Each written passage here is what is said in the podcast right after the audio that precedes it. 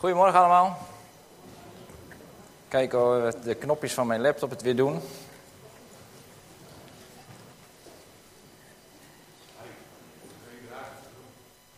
Ja, die, die uh, hoort eruit nu. Ja, die zouden we eerst gebruiken. Maar...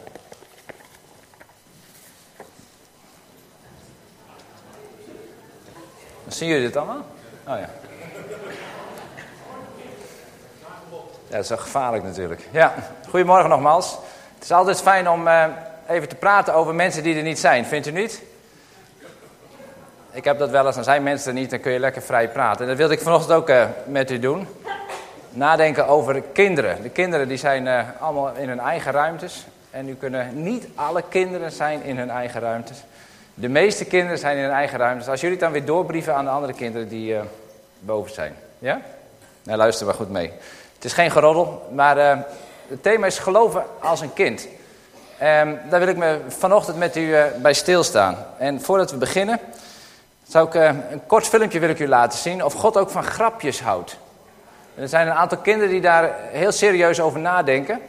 En misschien kunnen we daar iets van leren. Ik stel voor dat jullie het filmpje starten.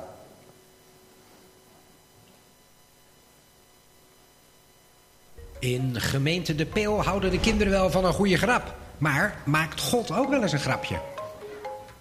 God doet alles voor zielige mensen. Ja. En die maakt nooit geen grapjes, hè? Nee. Nee. Hoe maakt geen grapjes? Ja, God die moet toch wel een beetje humor hebben. Als hij altijd doodserieus is, ja. Het is eigenlijk een beetje saai. Als er ergens een schete kussen ligt en dat ik dan ga zitten, daar lach ik het meest om. En ik denk, God ook. Want als, als, als God een grapje maakt, dan voel ik het gewoon in mijn buik. Ik weet wel een grapje.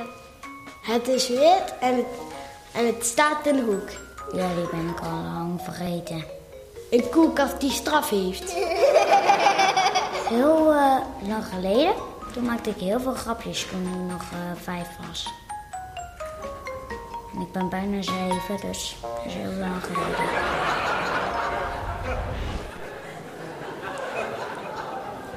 Leuk? Het is een programma van de, van de EO. Uh, je kan ze op YouTube vinden. Er staan allemaal uh, verhaaltjes van kinderen, allemaal korte dingetjes. Ik vond deze wel heel leuk om even te laten zien als introotje.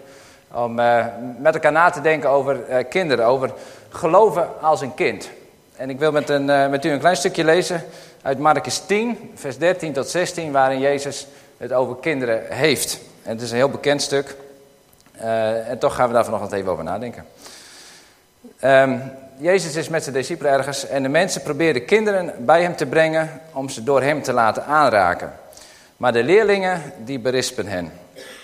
Toen Jezus dat zag, vond, wond hij zich erover op en zei tegen hem, laat de kinderen bij me komen, hou ze niet tegen, want het koninkrijk van God behoort toe aan wie is zoals zij. Ik verzeker jullie, wie niet als een kind openstaat voor het koninkrijk van God, zal er zeker niet binnengaan. Hij nam de kinderen in zijn armen, zegende hen door hun de handen op te leggen. Heb een klein stukje vet gemaakt. Laat de kinderen tot mij komen, bij mij komen. Hou ze niet tegen, want het koninkrijk van God behoort toe aan wie is zoals zij. Dus de kinderen zijn voor ons in vele opzichten een voorbeeld. Jezus stelt de kinderen even centraal in dit stukje om ons iets te leren. Om, uh, zij zijn een voorbeeld voor ons en daar mogen wij iets van leren. Blijkbaar hebben die kinderen iets wat wij misschien wel afgeleerd hebben, wat wij niet meer hebben. Uh, doen wij druk over een heleboel dingen, terwijl we nu even naar de kinderen mogen kijken en te kijken wat kunnen we daarvan leren. En ik denk dat u daar ook best wel een antwoord op weet, dat u daar best wel iets van weet. Van wat kunnen wij nou van kinderen leren? Wat, wat kunnen wij van kinderen leren? Waarin zijn zij een voorbeeld voor ons? Ik denk dat velen van u dat wel weten. Dus ik wou u even drie minuten de tijd geven om dat even aan elkaar te vertellen. Drie minuutjes even aan elkaar vertellen. Waarin zijn kinderen onze voorbeeld? We hebben dat op de huiskring ook gedaan. Dinsdag was heel leuk. Duurde wat langer dan die drie minuten. Neem even de tijd.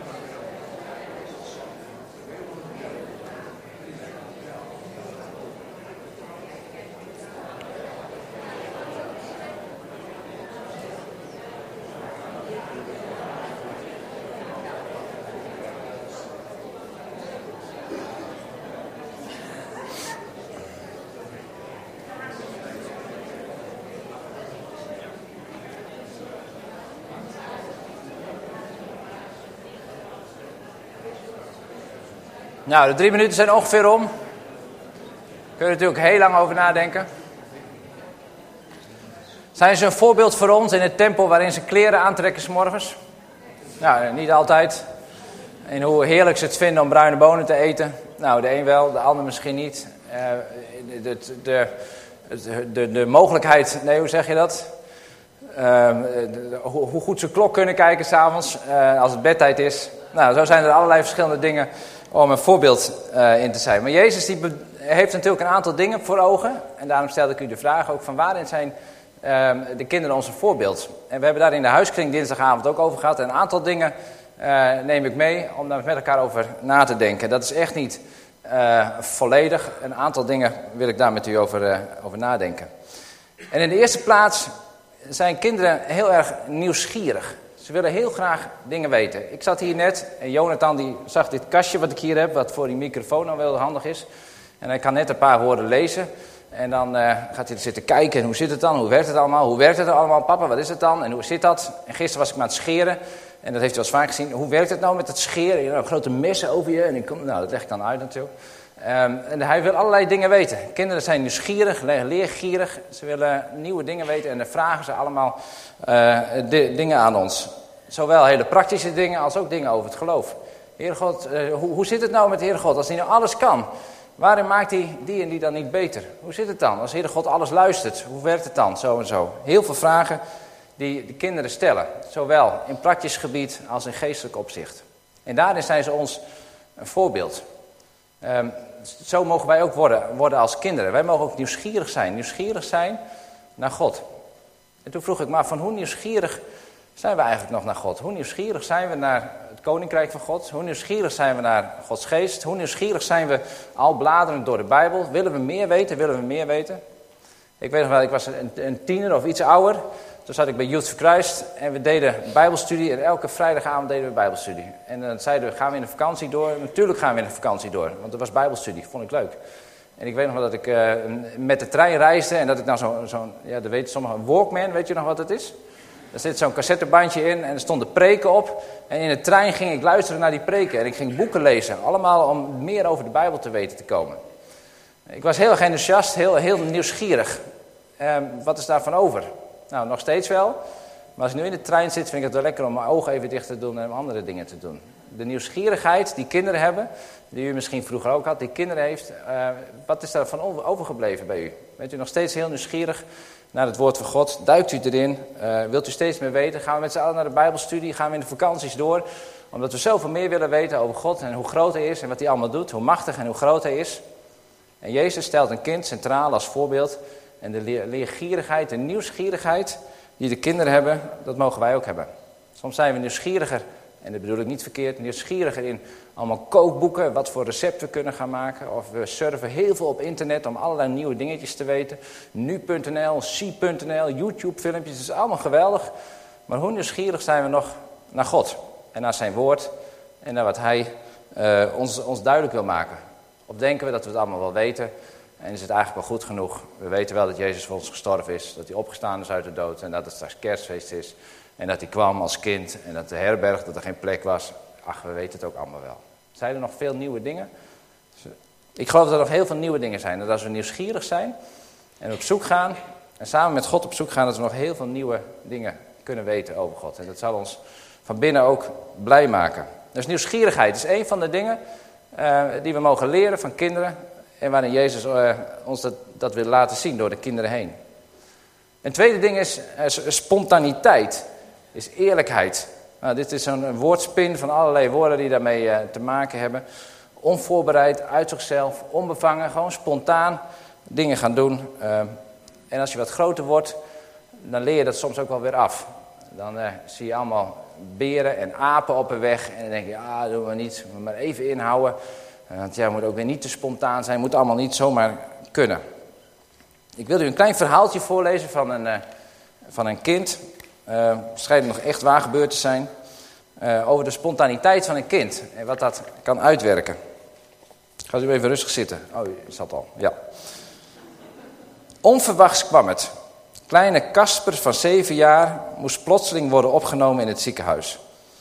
Als zoveel moest, hij, moest ook bij hem de blinde darm verwijderd worden. Toen hij de operatiezaal binnengereden werd, keek hij met angstige ogen rond.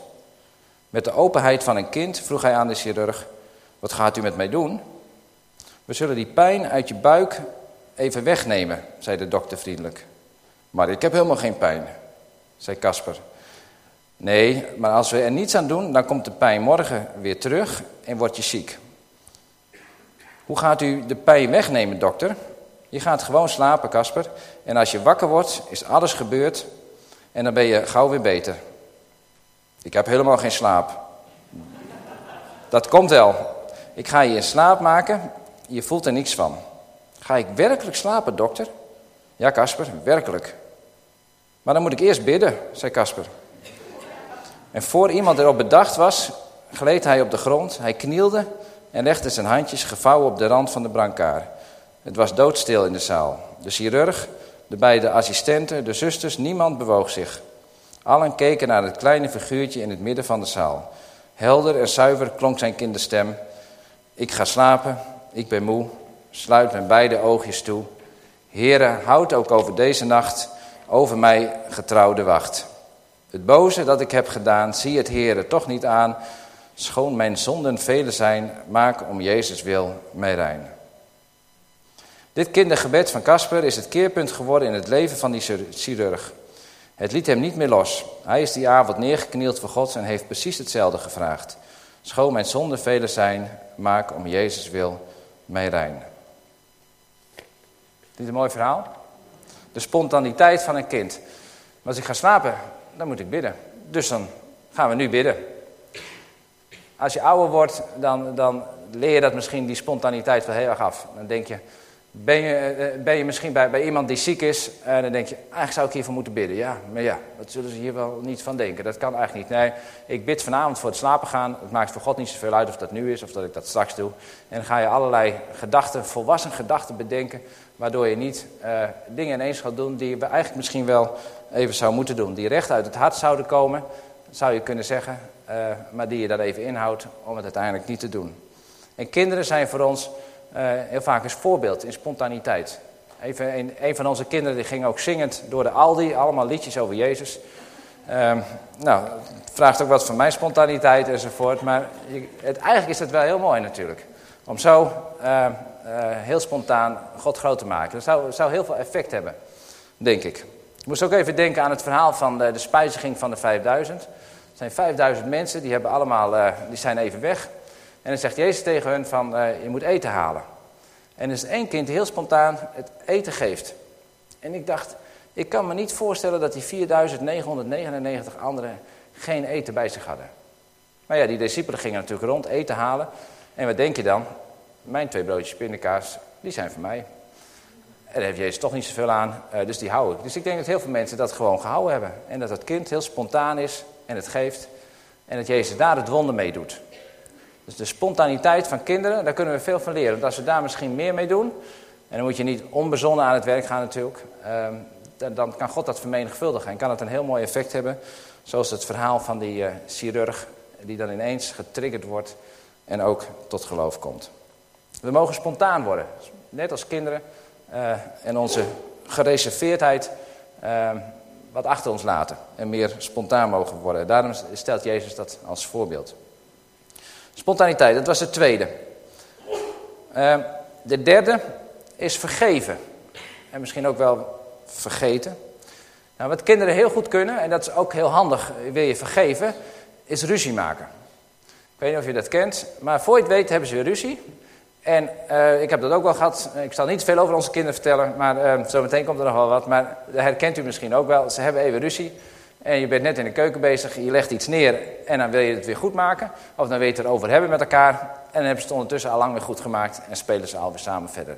Kinderen kunnen heel goed vergeven. Ze zijn misschien ook wel heel eerlijk, waardoor er eerst wat ruzie ontstaat. Maar ze kunnen ook zo weer vergeven. Dus ze slaan elkaar bijna de hersenen in. Dat gebeurt natuurlijk bij ons niet, maar waar dan ook. Uh, en voor je het weet zijn ze weer vriendjes en vriendinnetjes en spelen ze weer samen en is het allemaal weer goed. En daarin uh, zijn kinderen ons onze voorbeeld. Ik moest in dit geval ook even denken aan, uh, waar ongetwijfeld de kinderen ook een voorbeeld zijn geweest, aan Nelson Mandela, die vandaag begraven wordt. Hij is 27 jaar in de gevangenis geweest, 18 jaar op Robben-eiland. En dan komt hij terug. En het zou het heel logisch zijn om heel wraak te nemen op de regering, op de blanken. En de oorlog te verklaren en het allemaal op die manier te doen. maar wat doet hij? Hij vergeeft. En hij wil samen met de blanken verder wel om een, voor een verandering. Maar vergeving is daarin heel erg krachtig. En dat mogen we van kinderen leren die in ons midden zijn. Vergeving. Een vierde punt, en daar wil ik iets langer bij stilstaan, is, is vertrouwen. Dat was een van de eerste dingen die, die mij, mij te, te, binnen schoot. Als je het hebt over kinderen waarin ze een voorbeeld zijn. Is het vertrouwen dat kinderen hebben. Het vertrouwen dat ze vaak ook op God hebben. En het is een voorrecht als kind als je uh, um, mag opgroeien en dan mag leren vertrouwen te hebben. Vertrouwen te hebben op je ouders, vertrouwen te hebben op andere mensen. En in overleg met Irma mag ik dit voorbeeldje even, even noemen. De, Irma en ik zijn uh, afgelopen voorjaar samen naar Nemo geweest. Kennen jullie Nemo? Dat is daar linksboven, dat is in Amsterdam. Daar kun je allerlei nieuwe dingetjes ontdekken en trucjes met elektriciteit en met water en met allerlei, allerlei nieuwe, nieuwe dingetjes. Hartstikke leuk. Wij samen naar, naar Amsterdam. En het was best wel ingewikkeld voor haar. En eigenlijk was het ook wel, uh, kijk wat, zei het, de, alle reden voor haar om zich zorgen te maken. Want we moesten naar Amsterdam toe. En ze had met kaartkennis op school wel een beetje gehad waar Amsterdam lag. Maar of je nou via Delfzijl naar Amsterdam moet of via Enschede, uh, dat was haar nog niet helemaal duidelijk. Inmiddels weet ze dat wel. Uh, en wat deden we? We gingen met de auto naar Heerenveen. In Heerenveen parkeerden we de auto ergens en gingen we met de trein over Zwolle van Almere naar Amsterdam toe. Dus we moesten in Heerenveen uitstappen op de trein. In Zwolle moesten we weer overstappen op de Hanse-trein, spoor richting Almere. Daar moesten we weer overstappen. En vervolgens kwamen we in Amsterdam aan op Centraal Station. En vanuit het Centraal Station moesten we de weg vinden naar uh, Nimo. En dan ook nog zorgen dat we daar binnenkwamen. Nou, voor zo'n meisje van 9 jaar was het toen, is dat een hele, hele ingewikkelde reis. En alle reden om je grote zorgen te maken. Want ze is maar klein en kwetsbaar. Ze had ook geen geld bij zich. Uh, ze was inderdaad maar klein. Ze wist niet precies waar ze langs moest. Ze had geen toegangskaartjes bij haar. Ze had helemaal niks bij haar. En dan is het best een hele ingewikkelde reis. En wat gebeurde er op die dag? Ze ging gewoon gezellig kletsen met mij. Uh, en ze dacht, het komt allemaal wel goed. Want ze zei ook, papa, dat komt allemaal goed. Maar jij was toch mee? En als je het hebt, hebt over vertrouwen, dan is dat een heel mooi beeld van, uh, van vertrouwen. En u kan ook die eigen voorbeelden, hoop ik, geven. En ik hoop dat u dat ook kent uit uw eigen uh, jeugd. Hoe mooi voor, voorbeeld dat is. Dat je zegt, maar papa, jij bent toch bij me, dan hoef ik me geen zorgen te maken. Want ze staat midden in een hele gevaarlijke wereld, waarin hele enge dingen gebeuren. Maar ze vertrouwde mij. Ze wist de route niet, ze halverwege was ze wat dat betreft zomaar verdwaald geweest. Maar omdat we samen waren en dat ik bij haar was, hoefde ze niet bang te zijn. En dat is een heel mooi voorbeeld over hoe wij ook vertrouwen mogen hebben op God. Hoe wij God mogen vertrouwen. Er is een, een, wereld om ons heen waar heel veel in rep en roer is. Uh, misschien ook wel in je eigen leven. Misschien staat je baan wel op de tocht. Misschien ben je je baan wel, wel kwijt. Misschien zijn er wel problemen in je gezin, in je familie. Die, die ver te boven stijgen. Misschien heb je wel financiële problemen. Uh, er zijn allerlei problemen, allerlei zorgen om ons heen. En als we het nieuws aanzetten, dan horen we nog een heleboel andere ellende om ons heen. Een hele gevaarlijke, zou je kunnen zeggen, een hele gevaarlijke wereld om ons heen. En Jezus en God die gaat met ons mee. Hij zegt, ik zal je niet verlaten, ik ben bij je tot aan het einde van de wereld. Dus hoe lang die reis ook is, uh, waar we ook langs gaan, al ben je de weg kwijt, God die gaat met ons mee. Hij zegt, ik, als er twee mussen zijn en er valt eentje dood door aarde neer, dan weet ik dat. En ik heb al je haren op je hoofd geteld. Dus geen moment dat God jou niet in de gaten houdt en mij niet in de gaten houdt. En dat we even het spoor bijster zijn. Misschien wij wel, maar hij niet. En zo mogen we vertrouwen, mogen we leren vertrouwen op God. Er zijn een paar weken geleden zijn er uh, mensen lid geworden van deze gemeente. En een paar van hen zeiden, maar Jezus is mijn alles. Is mijn alles, alles op wie ik vertrouw. En dacht ik, dat kun je op twee manieren misschien ook wel doen. Vertrouwen op God. En daar had ik een, een, een plaatje bij, een beeld bij. En dat is, wie, wie, van jullie heeft er wel eens een steile wand beklommen? Ja, ja, oh dames en heren zie ik ook, ja. Ik heb het ook wel eens gedaan en ik moet zeggen, ik vind het best spannend. En hier heb je ook zo'n plaatje, Dit is, die vrouw is ook best hoog. In het begin is het niet zo heel moeilijk, dan klim je een beetje omhoog en dan is het niet zo heel erg. Maar als je dan steeds verder naar boven komt, dan vind ik het best heel spannend. Dan heb ik wel wat benen die dan een beetje beginnen te, te wiebelen. En dat helpt dan ook niet echt in het staan op die dingen. En dan heb je soms van die hele kleine dingetjes. Soms moet je dat op kleur doen, maar dat doe ik dan niet. Ik pak gewoon hetgene wat, wat voor handen is. En dan kom je steeds verder omhoog. En het wordt ook steeds spannender. En steeds verder kom je in een krant te zitten. Um, want ja, dat is je houvast. Hè? Je houvast, die kleine dingetjes waar je op staat en die je vast hebt, dat is je houvast. En zo kom je steeds verder. Maar gelukkig maar gelukkig heb je zo'n koord. Zo'n rood koord die deze dame ook heeft. Maar als je dan valt, dan val je niet te pletter. Tenminste, als we beneden goed opletten. Maar daar kijk ik dan steeds naar. naar rood koord strak houden. Ja, het koord moet strak houden. Dan val je niet te pletter. Als je het hebt over vertrouwen in God, dan is dit een heel mooi beeld.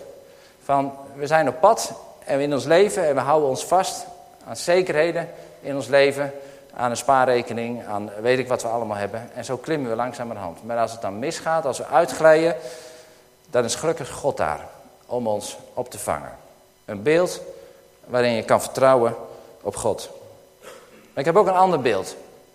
En dat is het beeld van een, uh, het is weer een hele andere sport. Wie heeft dit wel eens gedaan? Ja, Ed heeft dit wel eens gedaan. Ja. Dit is een koorddanser, hè? En die zit daar uh, boven een ravijn. En die gaat daar, uh, uh, gaat daar overheen. Best heel spannend. En, twee jaar geleden heb ik dit verhaal geloof ik wel eens verteld. Maar er was dus een koorddanser. En of het waar was, dat weet ik niet. Um, maar er was eens een koorddanser. En die was echt supergoed. Hij had in heel veel circussen opgetreden. En die kon, jongen, met stokken en met alles kon hij over het koord wandelen. En die kwam naar de overkant en de mensen waren stil en verbaasd. En een groot applaus ging er altijd, uh, uh, kreeg hij wanneer hij weer aan de overkant was. En op een dag maakte hij bekend dat hij, net als deze man, over een ravijn ging. Zonder beveiliging. Nou, dat wilden de mensen wel eens zien. Dus het hele dorp en de stad liep uit. Aan beide kanten van de ravijn stonden ze om te kijken hoe deze man het deed. En deze man die spande het koord, dat zat goed vast. En hij ging er overheen. Zo, dat is natuurlijk best spannend. En hij bewoog een beetje om zijn evenwicht te houden. En toen hij aan de overkant was, wauw, iedereen blij. Natuurlijk, dit was een geweldig fan, die kan dat. En applaus, enzovoort. En toen zei hij, nou heb ik ook een, een, grote stok. Zou ik die ook mee kunnen nemen naar de overkant? En ja hoor, ja dat kunt u, bent hartstikke goed. Ja, zeker weten. En zo met een grote stok in zijn handen ging hij naar de overkant. Geweldig. En toen zag hij een kruiwagen staan. Dacht hij, zou het ook met een kruiwagen kunnen? Ja, dus hij met een kruiwagen, het publiek, jongen, helemaal geweldig. Hij met zijn kruiwagen aan de overkant. Super, want hij was een held. Kon niks gebeuren immers. En er stonden daar die boomstammen. Nou, als ik nou een paar boomstammen erin doe, zou het dan ook lukken? Nou, spannend natuurlijk. Nou, hij naar de overkant zo met die boomstammen erin. En jou, het lukt helemaal. Het publiek was lyrisch, jongen. Geweldig. Facebook, alles stond vol. Weet ik hoe dat gaat. En toen zei hij, zou ik het ook kunnen met iemand in die kruiwagen? Ja, natuurlijk kan dat. Ja, geweldig. Nou, en toen keek hij rond en zei hij, wie wil in die kruiwagen stappen? En toen was het heel stil. En toen was er niemand, geen enkele vrijwilliger, die in die kruiwagen wilde. Ze hadden allemaal groot vertrouwen in hem. Hij was geweldig, hij was super. Uh, maar om in die kruiwagen te stappen, dat was een brug te ver. Als we het hebben over vertrouwen, dan kun je op twee manieren God vertrouwen. En ik wil het niet tegenover elkaar zetten, dat was wel eerst van het plan, maar nou, kijk maar wat u hier zelf aan meeneemt. Uh, het, het, is geweldig om je eigen houvast te hebben en je te klampen aan de zekerheden die we hebben. Je baan, gezondheid, familie, uh, weet ik wat we allemaal hebben. Daar kunnen we mee het leven in, daar komen we steeds verder. En het is een geweldige gedachte dat als we uitglijden in het leven, dat God ons opvangt. Want dan hebben we God heel hard nodig, want dan moeten we niet te pletten vallen. Um, dat is vertrouwen. Een stapje verder in het vertrouwen, misschien kun je het wel zo noemen, is die koorddanser. Dat je uh, dat de God vraagt van wil je bij mij in de kruiwagen stappen? Wil je met mij mee? Vertrouw je mij helemaal? Vertrouw je me zo? dat je mijn hele leven geeft. En dan is het goed om ook die spaarrekening te hebben. En dan is het ook goed om andere dingen te hebben. In die kruiwagen. Maar waar zit jouw basis? Waar is het vertrouwen op God? Is het God een noodvoorziening? En als het misgaat, dan is het fijn dat God er nog is. Of vertrouwen op Hem ons hele leven. En waar komen we verder mee? Ik denk dat we uiteindelijk verder komen als we God, eh, ons hele leven aan God geven en Hem helemaal vertrouwen. Net zoals Irma, dat, dat is maar een klein voorbeeldje daarin. Van, ik weet niet waar we heen gaan. Hoe we, hoe we er komen, weet ik niet. Ik heb geen geld op zak. Ik weet het niet. Maar ik vertrouw het. Het komt goed. God is bij ons. Het komt goed. Of vertrouwen op die kleine puntjes die misschien steeds kleiner worden. Waar het steeds spannender wordt. En ons omhoog brengen. En denk als we vallen, dan hoop ik dat God het dan nog is. Maar ik vertrouw er toch maar op. Ja. Om het wat, wat concreter te maken, dacht ik inderdaad van... Wanneer raken wij mensen in paniek? raken we, ik noem die spaarrekening even, want die hoor ik ook even in, in de mededeling. Raken wij in paniek wanneer onze, als onze spaarrekening eh, eh, op begint te drogen? Of raken we in paniek wanneer onze relatie met God minder wordt? Waarvan raken wij in paniek? Waar raken wij in paniek van de rentestand die onze hypotheekrente aangeeft? Of raken we in paniek uh, wanneer het liefdespel van God in ons leven naar beneden zakt en we weinig liefde meer kunnen geven aan mensen om ons heen. Waarvan raken wij in paniek? En dat geeft iets aan van waar wij onze zekerheden op stellen. En daarom is het goed om wel een spaarrekening te hebben, om een verzekering te hebben. Want luister goed, daar gaat me niet om dat je dat niet moet hebben. Maar waar stel je je vertrouwen op? Op je eigen ding omhoog te klimmen? Of stel je je vertrouwen op God, ga je bij hem in de kruiwagen, om het maar zo te zeggen. En zeg, Heer, u bent toch bij me, het komt goed. En dan is het mooi om die dingetjes nog te hebben en dan is het misschien goed om nu ook even naar je spaarrekening te kijken. Van staat daar genoeg op? Nou, dan schuiven we wat richting de gemeente. En dan staat daar ook weer wat op. En dan is het ook weer klaar. Nou, dan komt het goed, want we hebben ons vertrouwen op God. Die ons vasthoudt en die ons meeneemt. En zo mogen we vier dingen leren. En zo zijn er wel meer, zoals ik zei. Mogen we nieuwsgierig zijn naar God. Nieuwsgierig naar wat Hij ons uh, uh, wil leren. En weer, misschien wel weer opnieuw actief worden, na te denken. Wat heeft Hij ons te melden? Mogen we spontaan zijn. Uh, als we ergens zijn, misschien zou even iets zeggen over het geloof, wat het ons doet. Mogen we vergeven, net als kinderen. Gewoon weggeven, vergeven en vertrouwen. Vasthouden, hij zorgt voor ons, hij is met ons. Er is nog een ander bijbelgedeelte wat ik ook nog even met u lezen wil. En dat is Marcus 9, vers 33 tot 37. Dat staat net iets eerder. Dus als u uw bijbel open had gehouden, als ik dat had gezegd, dan was het makkelijker geweest. Maar het staat hier ook. Marcus 9 vanaf vers 33. Ze kwamen in Capernaum. Toen ze in, toen ze in huis waren, vroeg hij hun... Waarover waren jullie onderweg aan het reden twisten? Dat gaat Jezus met zijn discipelen. Ik knallen zo even in het verhaal. En Jezus vraagt dan, waarover waren jullie onderweg aan het reden twisten? En ze zwegen, want ze hadden onderweg met elkaar getwist over de vraag wie van hen de belangrijkste was. Hij ging zitten, Jezus dus, en riep de twaalf bij zich. Hij zei tegen hen, wie de belangrijkste wil zijn, moet de minste van allemaal willen zijn en ieders dienaar. En toen pakte hij een kind op en zette het in hun midden neer. Hij sloeg zijn arm eromheen en zei tegen hen, wie in mijn naam één zo'n kind bij zich opneemt, die neemt mij op. En wie mij opneemt, neemt niet mij op, maar hem die mij gezonden heeft. De discipelen die wisten dat het koninkrijk van God eraan zat te komen. En toen dachten ze, wat voor mooie positie zouden wij daar kunnen krijgen. Dus die waren heel erg bezig om te kijken wie de belangrijkste was. Eigenlijk is dat heel kinderachtig, als we het toch over kinderen hebben. Wie is nou de belangrijkste? Wie is nou eigenlijk de, de belangrijkste? En Jezus zegt, het is niet belangrijk wie de belangrijkste is. Eh, maar het is belangrijk dat je eh, je richt tot de geringsten tot de minste, of de, niet de minste, ik vind dat niet de minste, de geringste in de samenleving, die de samenleving vaak onbelangrijk vindt. En Jezus is heel vaak bezig juist met die groep mensen die onbelangrijk zijn in onze ogen. En Jezus draait het om. Zegt het is belangrijk om je te richten op de geringste. Want daar zit een geheim in. Ik had hier nog, het is lekker belangrijk om met belangrijke mensen bezig te zijn. Nou. Maar Jezus zegt, als je een kind ontvangt in mijn naam, dan ontvang je mij. En daarin zijn kinderen ook uh, een voorbeeld voor ons. Daarin stelt Jezus ons ook een kind in het midden. Hij zegt, je moet niet op zoek gaan naar allerlei belangrijke dingen. Maar als je mij wilt vinden, en daar zit het geheim, Als je mij wil vinden, dan moet je op zoek gaan naar kinderen. Kinderen kunnen jou leren om mij te vinden. Wie een kind ontvangt, die ontvangt mij. En dat is een heel mooi geheim. Dat is de sleutel. En dat is misschien ook wel de weg naar het koninkrijk van God. Maar dat staat er, wat we ook gelezen hebben. Jezus zegt, laat de kinderen tot mij komen, hou ze niet tegen. Want het koninkrijk van God behoort toe aan wie is zoals zij.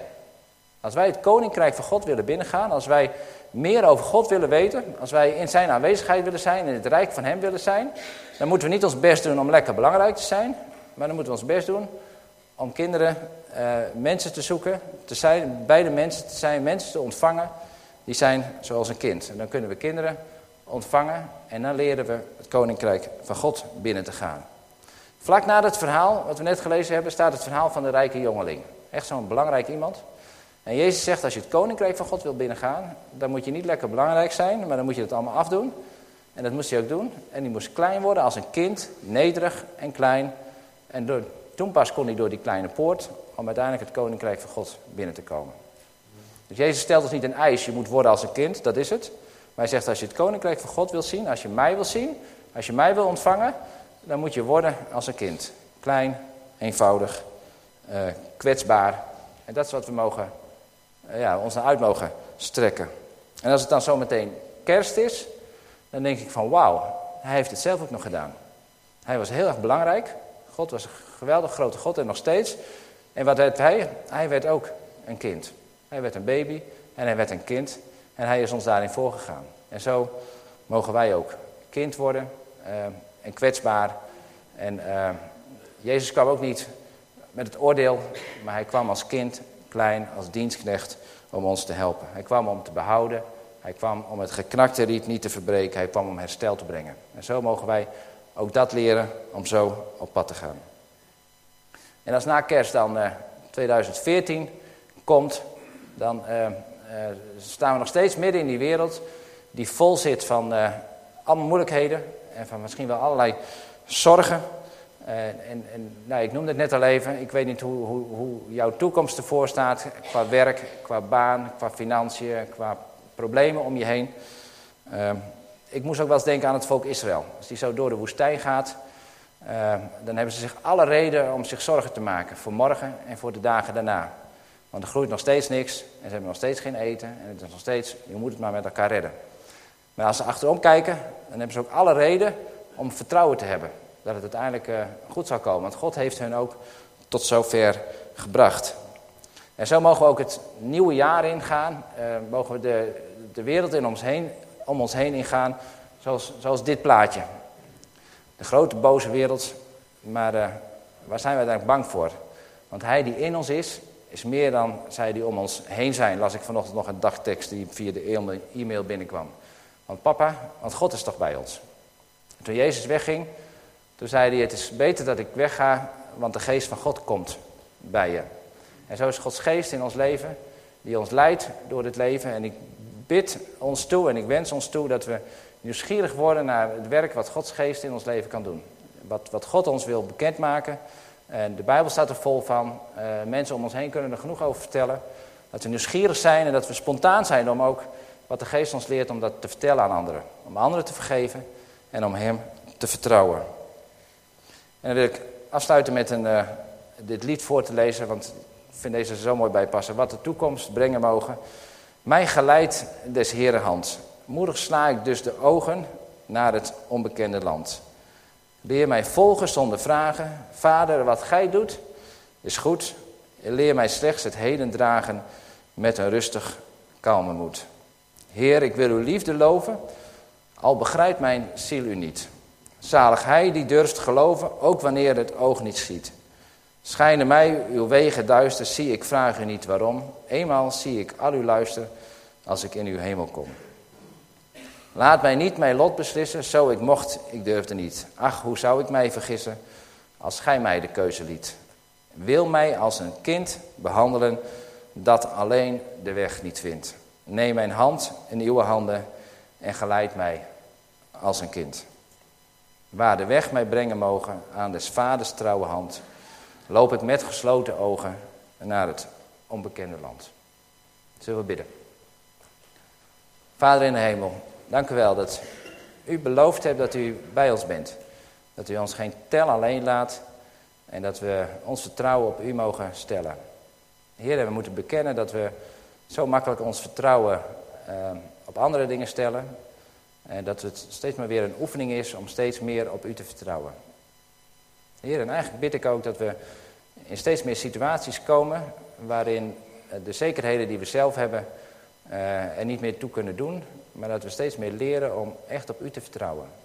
En daarin worden als een kind. Heer, opdat we het koninkrijk van u zullen zien, dat we het koninkrijk van u zullen binnengaan, om zo de rijkdom van dat koninkrijk te zullen ervaren in ons leven. Heer, en dat betekent dat we loslaten, dat betekent dat we uh, allerlei dingen waar we misschien aan vastzitten, uh, bewust aan u geven. En tegen u zeggen, wilt u met ons uh, op reis gaan? Of mogen we met u op reis? Wilt u ons de weg wijzen? Want we zijn zo vaak de weg kwijt, dat we het niet weten. En soms schreeuwen we zo hard dat we het allemaal wel weten. Maar blijkt een paar tellen later dat we echt mis zaten. Heer, leer ons zo gewoon op u te vertrouwen, naar uw stem te luisteren en ons te laten leiden door uw Heilige Geest. Heer, wilt u ons daar zo bij helpen? Dat bid ik in Jezus' naam. Amen.